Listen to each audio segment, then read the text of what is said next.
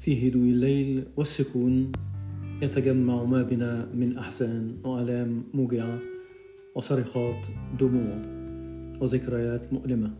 نتمنى أن نتناسى تلك الأحزان ونبحر سويا إلى عالم الحب والطمأنينة. فقد سئمت قلوبنا عذاب اليأس والاستسلام. تصبحون على خير.